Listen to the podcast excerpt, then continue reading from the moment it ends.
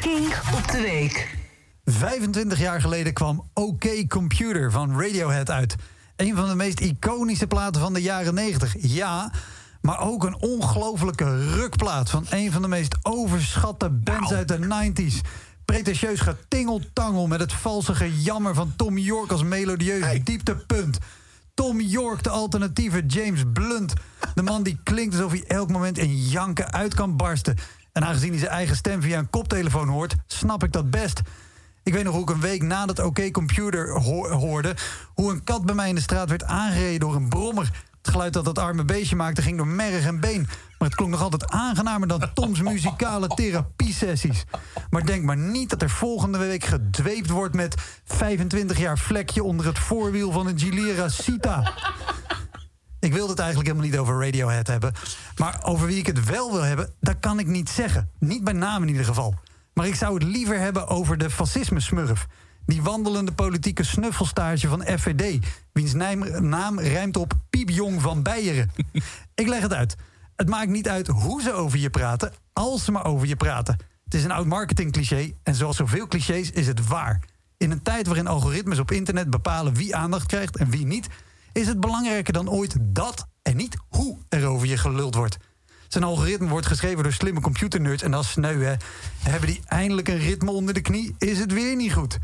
Algoritmes bekijken miljoenen berichten per minuut en besluiten op tal van punten of een post het waard is om aan jou te laten zien.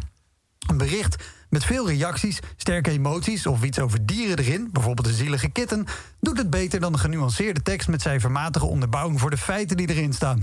Boring!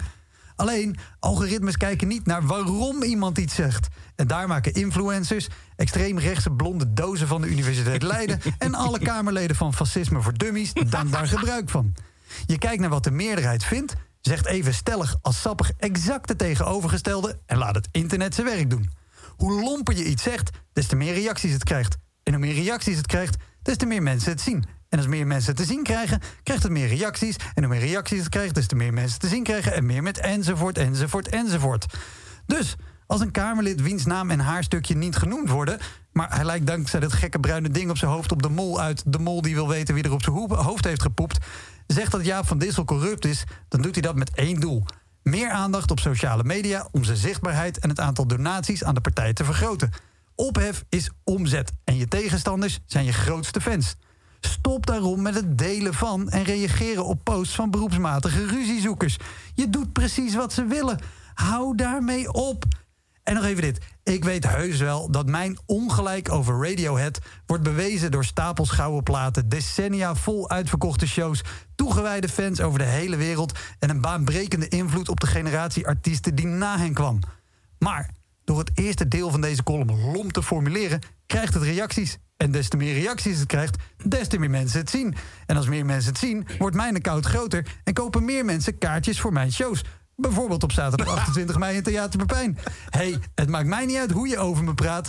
als je maar over me praat. Dankjewel, Wouter!